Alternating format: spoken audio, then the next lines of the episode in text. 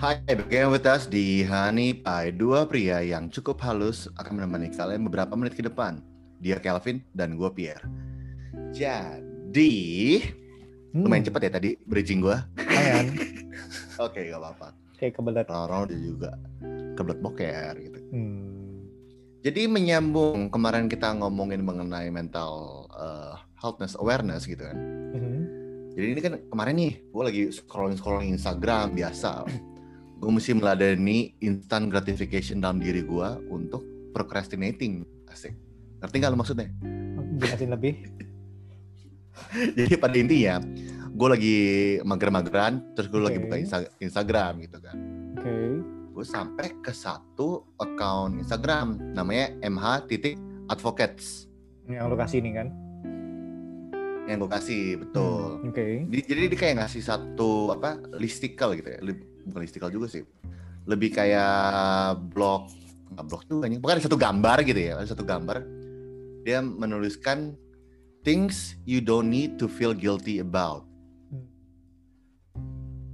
ya Oke. pas gue ngeliat gini kan kayak wah ini kayak lumayan relate banget ya sama gue soalnya gue kayak ngerasa kayak Selalu guilty. eh kadang-kadang lumayan sempat guilty nih kalau misalnya gue nggak pergi nongkrong sama teman-teman gue kalau misalnya gue ketemu orang kalau misalnya gue tolak kemauan dia gue kayak aduh ya udah deh gue ladenin dia mau lu gitu Hmm, hmm. dan sebagainya gitu Oke. terus juga kadang-kadang ke kekurangan kita gitu kan kita nggak perfect banget gue ngerasa kayak anjir gimana caranya gue bisa keep up nih sama teman-teman gue yang udah mulai sukses dan Hmm. akhirnya tuh kayak lumayan membuat gue merasa bersalah gitu Guilty dan lu merasa useless.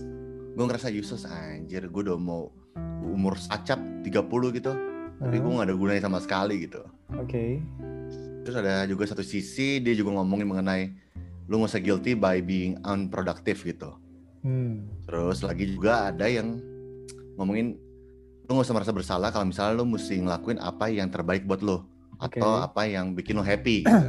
Nah, oke. Kita bahas satu-satu, Devi. Kayaknya seru nih kita yes bahas betul juga. oh lumayan nah kita Oke. mulai dari poin yang nomor satu dulu kali ya Oke.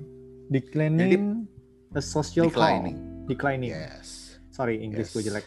nggak apa-apa makanya ada gue kan Ya, betul. ada gue bantu translate dan lu yang menafsirkan. Kita tuh kayak bener-bener power couple banget loh. Seandainya lu perempuan gue nikahin, Vin. Tapi gue pilih-pilih sih. Oke, thank you. Terus? Wajar sih, emang gue jadi cewek juga gue mikir-mikir sih. Kalau gue jadi lu. Oke. Oke, declining a social call. Betul. Tapi bagi gue kalau ini sih nggak tahu ya Pia. ya. Em, kalau lu gimana? Kalau lu sama statement ini gimana? gue lumayan relate gitu kan. Karena Hmm. eh, bisa dibilang gue orang yang cukup introvert gitu ya. Dan Hmm. kalau misalnya gue lagi di satu titik, dah satu titik yang gue nggak pengen punya social interaction sama sekali sama orang-orang, Aha. gue kayak udah gue nggak mau ketemu siapa-siapa gitu cuma kadang-kadang kalau misalnya let's say gini ya eh pi nongkrong yuk ke kantor gue Hmm. ada ini ada koko crunch Hmm, Oke. ada koko crunch nih masa lu nggak mau datang sih Guilt. tuh gue nggak enak Vin Oke. guilty banget Karena koko crunch-nya. koko crunch ya Oke. udah udah udah jadi terusin ntar jadi topik Iya. berbeda Gak koko crunch itu gue kayak ngerasa aduh kalau gue nggak datang gue merasa bersalah banget gitu Hmm. Lu merasa Dan akhirnya- bersalahnya gimana Hah? nih? gue merasa bersalah kayak anjir si Kelvin tuh udah nyiapin waktu buat gue gitu Oh. masa gua- menolak kayak gitu aja Hmm. kayak gue nggak sopan deh maksudnya Oke. budaya ketimuran gue terlalu tinggi kali ya Hmm. Gitu Tapi gue berbeda sih. Gue ah seriusan Iya, gue ngerasa kalau gue declining a social call ini, gue ngerasa FOMO. seriusan Ya, gue merasa fear of missing out. asik fear Gitu. of mamas oke terus nggak usah nggak jadi nggak lucu ntar Uh, ya, gue ngerasa kayak, uh, aduh, gue akan kehilangan momen nih. Gue akan kehilangan uh, apa ya? Kalau lu kalau lu main The Sims kan tuh lu temenan tuh ada ada meter Hmm. of friendship-nya kan. iya betul Nah, gue tuh ngerasa tuh kayak begitu. Dunia itu kayak game bagi gue. Bahwa Oke. lu misalnya uh, sudah lama konek, uh, kontekan dan lain sebagainya, so- social matter tuh jadi berkurang. oke Gitu. Tapi, tapi di Oke, satu sisi, tapi uh, kadang-kadang gue juga nggak peduli. Oke. nggak peduli kayak oh ya udah terus kenapa emang kalau gue nggak ngumpul berarti lu kalau lu sebel atau lu kesel berarti kan oh pertemanan kita cuma sebatas kumpul-kumpul Iya, betul. Ya itu sih jadi ada dua sisi itu sih yang gue lihat Tapi mungkin ada sisi, maksudnya kalau gue ambil positive thinking yang arogan gitu ya, positive Mhm. thinking tapi arogan. Mungkin kalau misalnya mereka tuh nggak ada kayak gua atau lu dalam pertongkrongannya gitu, mereka bakal jadi pendiam. Makanya kalau Mhm. nggak ada kita jadi kayak, ih anjing basi ya kalau nggak ada mereka. kalau positive thinking arogan. oke ada positive thinking arogan ya kan Yoi, mungkin gitu. Hmm. Jadi tapi kayak, ya apa? ah, nggak, Jadi apa, diam. ayo apa, aja, ayo apa. agak apa? Gue sih marah nggak ngerasa kayak begitu. Gue gue selalu ngelihat eh, ini dulu sih. Sekarang kadang-kadang gue selalu ngelihat hal itu worst case nya Oke, jadi bagi gue kalau misalnya nggak kumpul nggak ada gue kayaknya juga mereka aman-aman aja. So sebenarnya ya nggak butuh-butuh amat. Cuman mereka cuman butuh eh, someone aja ada ada ada orang Mm-mm. ada yang nemenin dan lain sebagainya kadang-kadang gue mikir begitu jadi itu yang bikin gue kayak oh ya udah lu nggak butuh gue juga it's okay nggak sepenting Jadi lu- itu gitu Jadi lu nggak bakal merasa bersalah untuk nggak tiba-tiba nggak ikutan nongkrong gitu ya? in some eh, in sometime ya Sometime. sometime Oke. Tapi nggak kayak 80 persen. Kalau gua gua nggak ikutan nongkrong nih pas zaman dulu ya. Mhm. Gue bakal merasa bersalah tuh sampai semingguan cuy. Anjing Gue merasa bersalah sampai 70 persen. lebay sih Iya lumayan namanya gua gua overthinker ya. Hmm. Kalau kata lu di episode sebelumnya, lu adalah orang yang membuat skenario di atas skenario kan. Yap. Kita kurang lebih sama. oke kalau eh, yang ini susah dah kita ada ada plus minusnya lah declining sama lah, Betul. ya kan kita next Betul ya betul betul. telling people no No. Nah ini kan tadi kita ngebahas nih. Hmm. Cuma kita nggak usah kasih tahu spesifik ya apa-apa gitu kan. Hmm. Cuman kalau misalnya dalam eh, konteks langsung, kalau dari lu kayak gimana, Vin? Lempar langsung. umpan lambung ya telling people no dulu gue Yes. susah gue adalah orang yang yes man kalau dulu dan Oke. eh, yes man ini bagi gue merepotkan gue Hmm, makanya gue mulai mengubah itu menjadi eh, no atau maybe.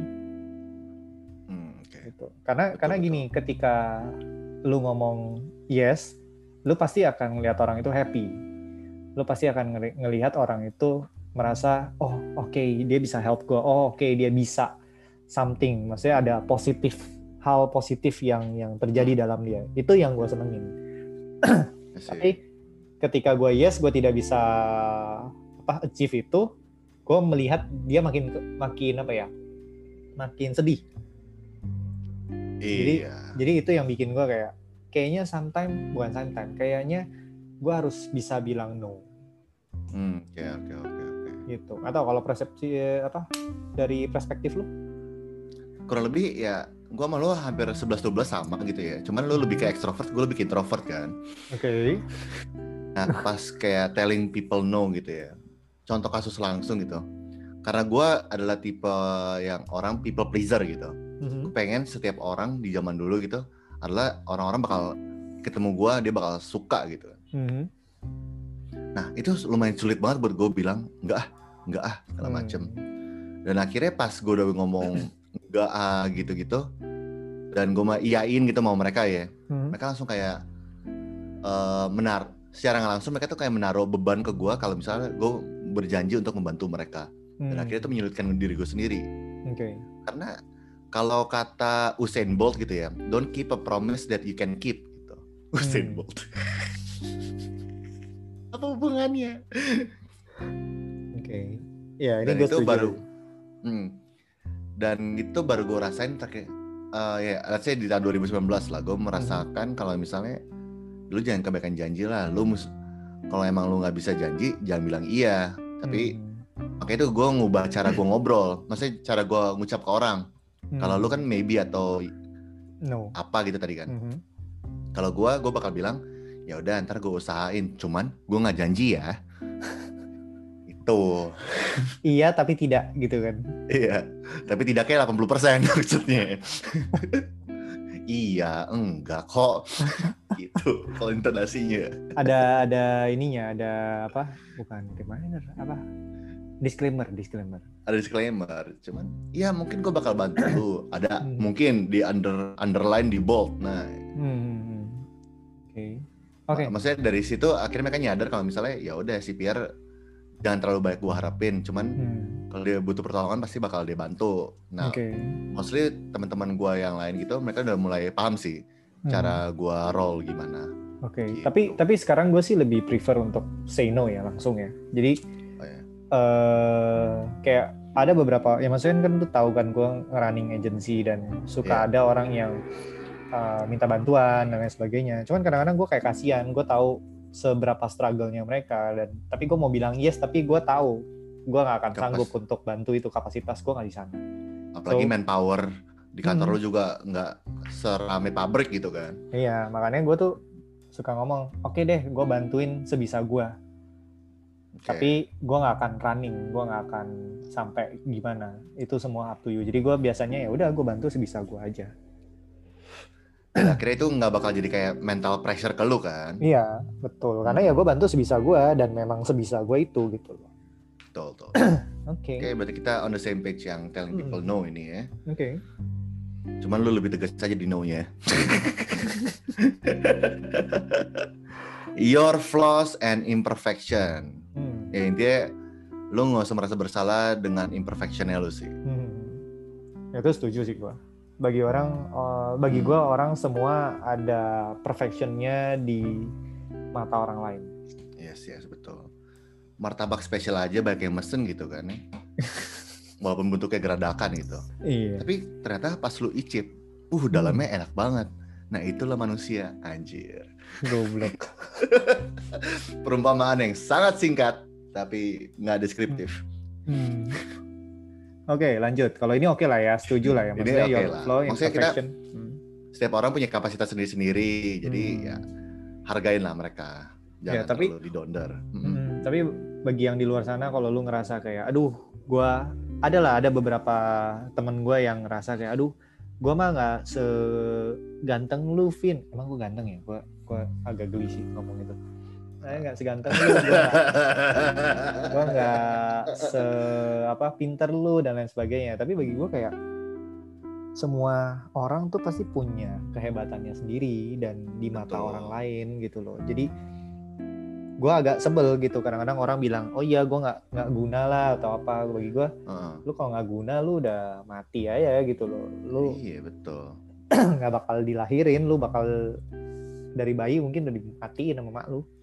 Iya, kayak wah ini nih kalau kita lihat kronologikalnya di tahun 2030 bakal jadi manusia nggak berguna. Kita bunuh aja sekarang nih. ya.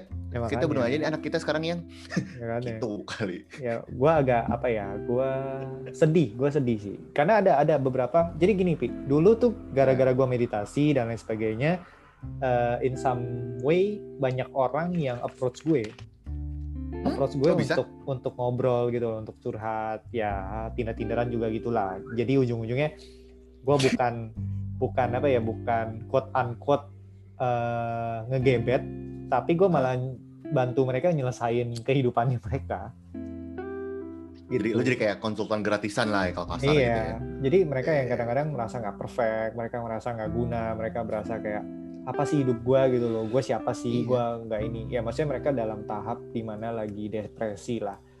Mm-mm. Ya, di Tapi situ ini hal yang sering kita lihat terjadi di perempuan ya, Amin. Kalau cowok nggak terlalu sering gitu ya. Cuma kalau cewek kayak hmm, dia kayak lebih cantik daripada aku deh. Ih, hidungnya tuh lebih bagus satu derajat lebih tinggi dari aku anjing deh. satu derajat. Konturnya bagus gitu. Maksudnya Iya. mereka terlalu yang gue rasain gitu ya persaingan Hmm. di dunia perempuan tuh lebih berat dibanding persaingan di dunia kita. Makanya Iya. akhirnya mereka ngerasa kayak anjing, kok gue gak perfect ya? Iya, Pengen tapi kayak Pierre. tapi bukan itu aja sih. Kadang-kadang mereka Oh ya? juga eh, apa ya tingkat kompetisi mereka tinggi kalau gue bilang. Oh ya? Iya, jadi tingkat kompetisi dengan diri mereka sendiri ya. eh, they apa ya? Mereka tuh terlalu keras dengan diri mereka sendiri. Hmm. Bagi gue, bagi gue ya. Jadi Soalnya tuh iba, ah, ah. jadi apa? eh, kayak di dalam pekerjaan adalah beberapa uh, orang di dalam pekerjaan cewek nih ngerasa Iya. aduh gue nggak cukup gue butuh lebih gue harus gini gue harus gitu tapi uh, turns out itu yang bikin mereka stres dan mereka nggak maju karena itu Betul, betul sekali. gue jangan betul-betul dijelasin Ini maksudnya benar, maksudnya gue cukup setuju untuk hal kayak gituan. Sampai mereka Hmm, kadang-kadang suka terbutakan, mereka punya kelebihan lain gitu. Itu dia Mungkin Karena- mereka yang ngirinya sama, mungkin mereka ngiri sama orang yang emang spoke, uh, well spoken gitu di depan umum. Padahal sebenarnya Hmm, bakat mereka emang bukan di situ. Mau gimana sih? iya semua ada Sebenarnya ininya bakat lah lu, iya betul takaran semua ada gitu. bakatnya betul Mm-mm. Jadi ngapain jiper gitu? Mungkin dia jago lomba lari, tapi lu jago diving, Hmm, kan kalian spesial di diri kalian sendiri-sendiri lah. betul betul dilombakan. Makanya masing-masing harus cari eh, kelebihannya dan Mm, expertise-nya. Karena nggak semua lu bukan Tuhan lah. Ini betul. bukan cuma buat cewek ya ini maksudnya buat semua orang. Lu bukan Tuhan yang perfect di segala hal lu pasti ada lemah. Betul. makanya eh, langsung dong gua filosofis banget. Nggak jadi Gue baru mau ngomong, lu mau ngomong ikigai ya? bukan. Bukan. Itu itu topiknya. Aja. Oke oke, lanjut lanjut lanjut lanjut. udah ada lanjut aja lanjut lanjut lanjut Mungkin itu bisa kita lanjutin ke satu topik berikutnya lagi gitu maksudnya. Hmm. Eh, sek satu episode nanti lainnya kita bakal ngomongin mengenai what's your passion. Asik. sih nyontek dari Eh, YouTube Captain yang tadi Rudy. siang gua kasih ya Bagus banget sumpah. Buat kalian gitu ya, Hanis-Hanis yang lagi dengerin gitu ya. Kalian tuh mesti Hmm. banget nggak mesti banget sih, cuman kita rekomendasikan untuk nonton eh, TED Talk-nya si Captain Ruby. Ya Dia ngomongin tentang passion tapi diimbangin sama eh, apa namanya? filosofi dari Jepang yang namanya Ikigai. ya. Apa itu Ikigai? Google lah, lo bisa denger podcast kagak bisa Google, heran dah. tinggal melin galak amat oke kita next being unproductive gimana menurut lo being unproductive gue sih sebenarnya nggak setuju untuk ini karena kalau misalnya nggak produktif Hmm. Mau pro- procrastinate mulu anjir Nah, ini gue punya pemikiran berbeda, tapi uh, Ah. ini gue lagi lihat-lihat apa uh, komen-komennya ya komen. apa yang gue makanya gue bingung ini yang dimaksud dengan being unproductive gitu kan pasti orang di pikiran gue ya Hmm. orang bakal males-malesan Hmm, hmm. gue bakal mager-mageran gitu Yep. kalau misalnya lu mageran akhirnya itu jadi mindset buat lu untuk udahlah nggak usah maju gitu Hmm. itu gue ya Oke. Nah, gue punya pemikiran lain untuk ini. Which- Uh, kalau lu, it's okay to being unproductive, karena itu saatnya lu istirahat. hmm oke Jadi unproductive kayak ya udah lu leha-leha dan lain sebagainya. gue punya moto, bukan moto dalam hidup, gue punya prinsip, prinsip dalam hidup.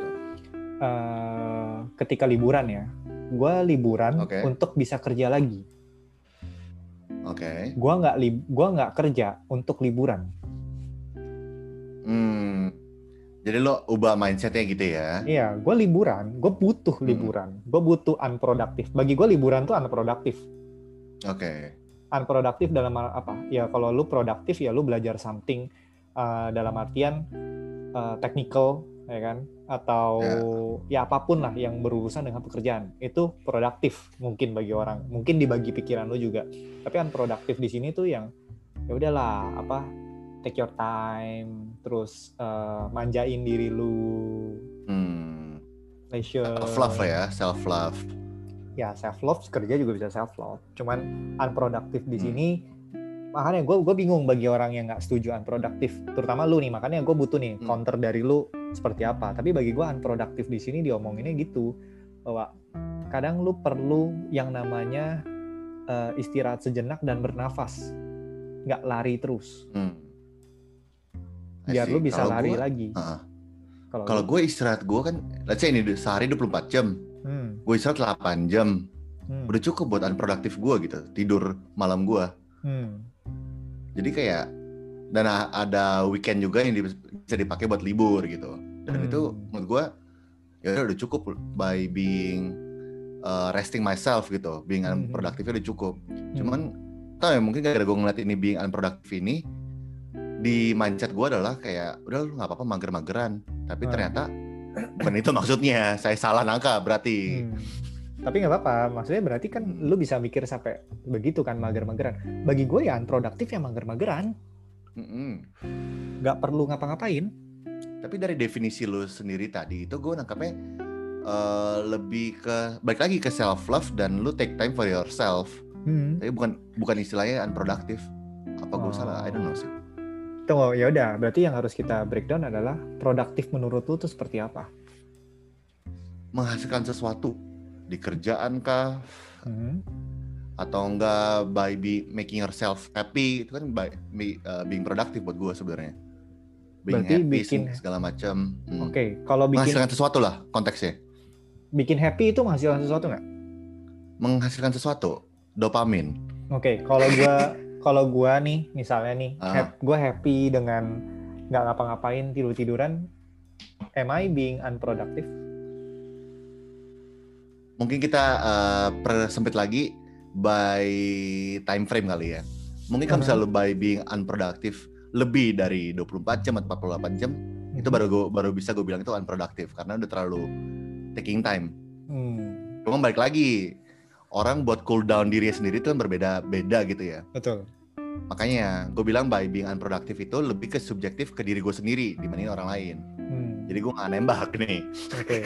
Sebenarnya gini sih, Pi. Ini ini yang gua mau ngejelasin. Mungkin maksudnya gua bisa kasih penjelasan sedikit. Jadi pas gua Boleh. ke Bali, gua ke Bali tuh 2018 dan 2019 itu ke Bali-nya gua sendiri. Nggak ngajak gue lagi si anjing. Terus, Ya, lu ke mana? gue lagi jadi, pacaran. Lupa. 2018 itu gue ke Bali, gue gua pergi ke satu tempat yang namanya Bali Silent Retreat. Oke. Jadi di sana gue nggak boleh ngomong sama sekali, gue nggak boleh pegang HP, Kayak nyepi gitu ya. kayak nyepi. Nah, yang gue lakukan di sana adalah nggak ngapa-ngapain,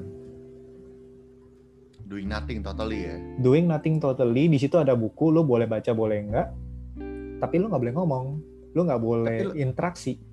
Lu nggak ngerasa anxious gitu kayak anjing gue nggak ngapa-ngapain bangsa. Gue Nah. gatel gitu. Lu nggak gue di situ tuh ya udah dia ada jam-jamnya lu makan dia ada jam-jamnya lu mau yoga yoga mau ikut boleh nggak ikut bo- eh, juga boleh meditasi juga boleh Oke. ya itu up to you lu mau di kamar seharian nggak apa-ngapain juga up to you di situ gue menemukan yang namanya eh, I know myself more Oh ya? I, I know Nice. uh, how people react, how Hmm. people apa ya see other people ketika jadi gini, kalau lu misalnya ngomong dan lain sebagainya, lu fokus dengan ngomongan lu kan. Tapi ketika lu Yeah. nggak ngomong, lu jadi memperhatikan sekitar tuh menjadi lebih karena satu indera ini diambil dari lu.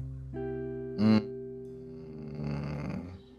Oke oke gue paham paham paham paham. Ya, yang gue lakuin di sana adalah gue cuman duduk, gue merhatiin orang, ya kan, ngeliatin orang baca buku, ngeliatin bodohnya nih, gue ngeliatin pohon uh, kena angin goyang, gue merasa kayak Tanpa tanpa bantuan tanda kutip kan? oh enggak, goyang bener kena angin gila. Di situ gue ngerasa, kayak Heeh. gue di situ ngerasa ya apa yang gue rasain, gue me time, I'm being present gitu loh. Oke. Ya itu sih. Oke, itu oke, unproductive yang menurut gue sangat menyenangkan. Nah, yang kedua di 2009, gue nyepi. oke. 9 apa 19? 19, 2019. Oke. Gue nyepi.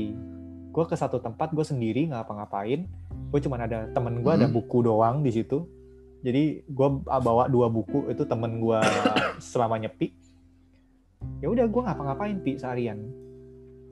Gue cuma Wow. baca buku dan ketika baca buku bosen gue tidur.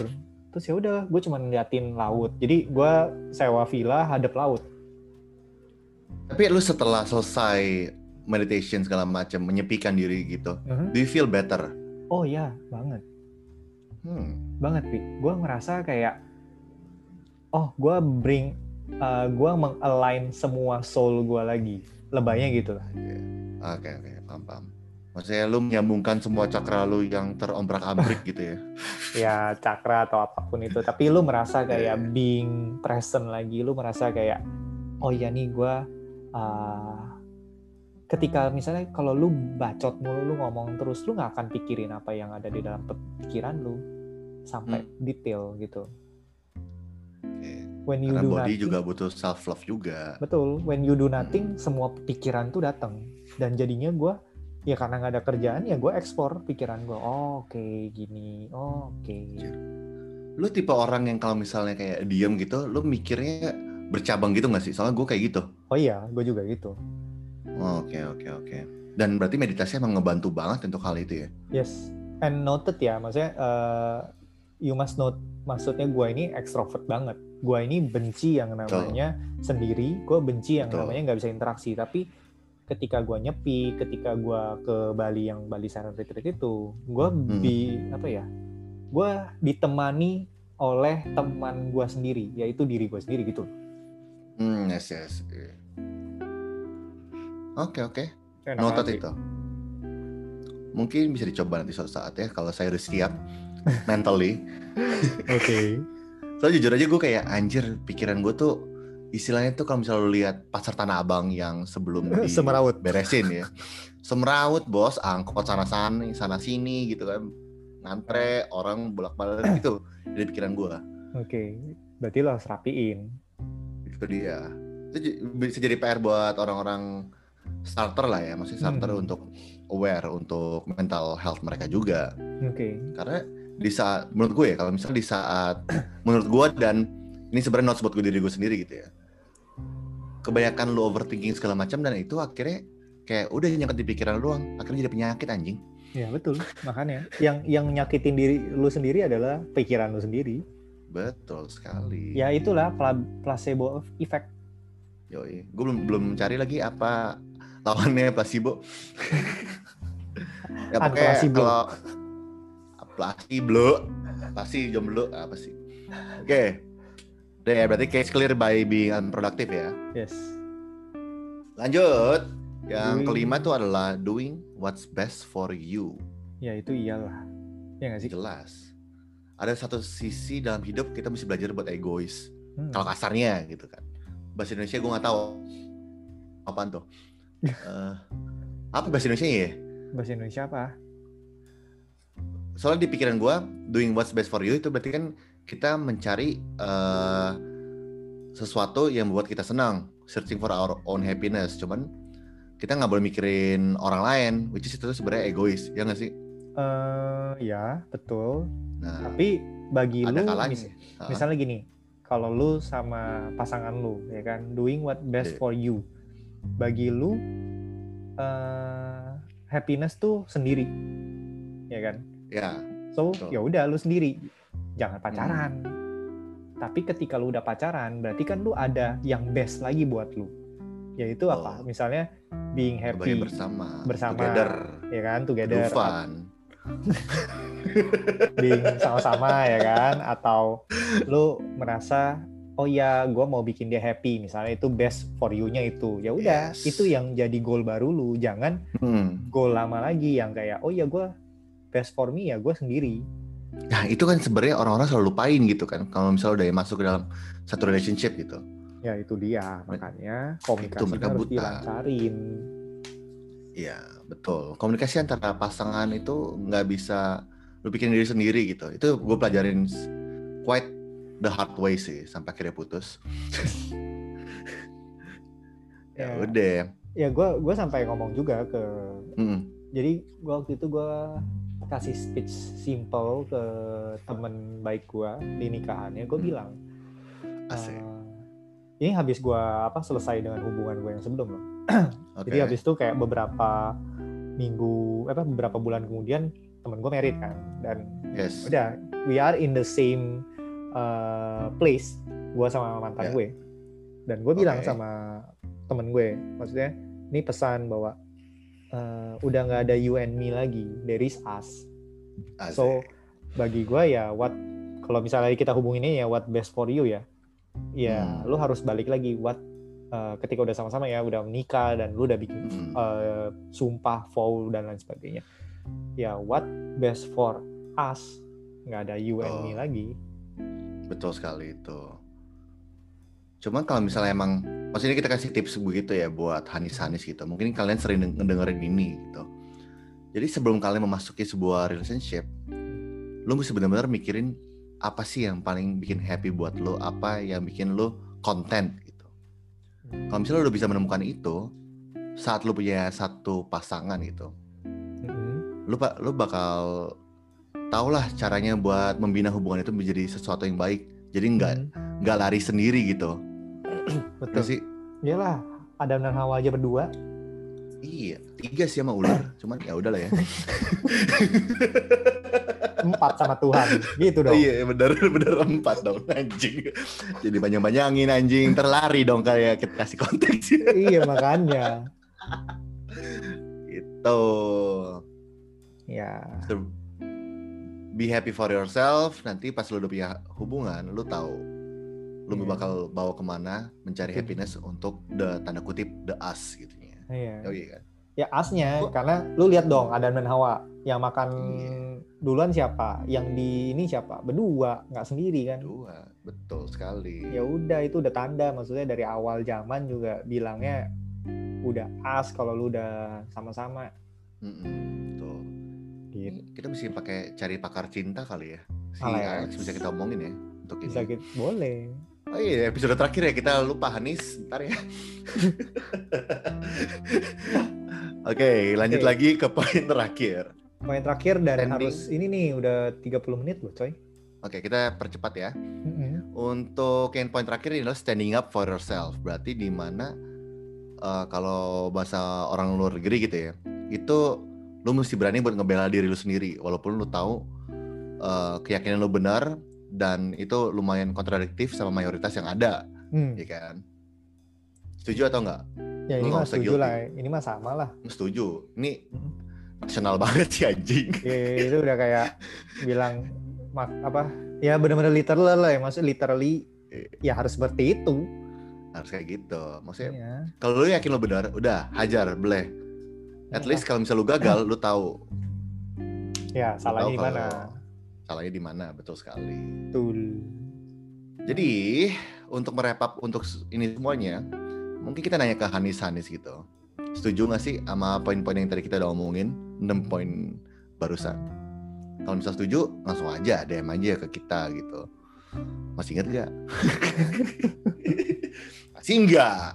pasti enggak yang denger aja nggak sampai 100 Ya nggak apa-apa. Dan juga kan kita lagi belajar ya Vin ya. iya ya makanya Dikira- kita kita Ah. bahas konten seperti ini ya dengan harapan konten ini Hmm. bisa ngebantu dan jadinya ngerame Dan please note, kita dalam per- pembuatan episode podcast ini, kita ngomongin dari hal-hal yang benar-benar ringan dulu. Baru Hmm. nanti kita bakal ke hal yang berat, which kita nggak mungkin ngomongin kita ber, nggak mungkin uh, voice-nya dari kita berdua kan, karena kita bukan expertnya, cuma kita pelaku doang gitu ya. Hmm. Nanti kita bakal uh, undang beberapa psikologis, beberapa asik beberapa berasanya Asik. banyak kalau cuma dua, sama beberapa guru di meditasi kalau bisa Evin ya. oke Diusahakan, tapi nggak dijanjikan.